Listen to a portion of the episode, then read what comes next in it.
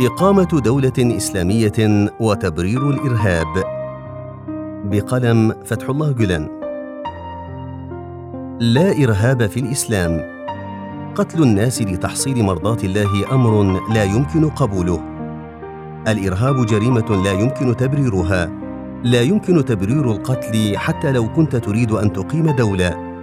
الدولة أمر تافه إزاء شناعة القتل.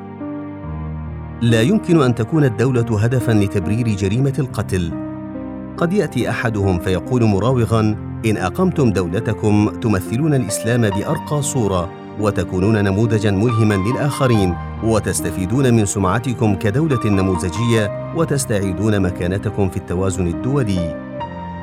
لا يمكن تبرير القتل بهذه المبررات المعسولة.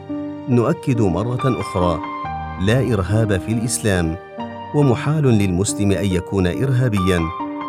ونؤكد كذلك على المعنى المقابل الإرهابي ليس مسلما ومحال لأي إرهابي أن يكون مسلما. إن القتل والكفر سيان في الإسلام. سيدنا عبد الله بن عباس وبعض أئمة التابعين قالوا من قتل نفسا بغير حق فعقابه جهنم خالدا فيها.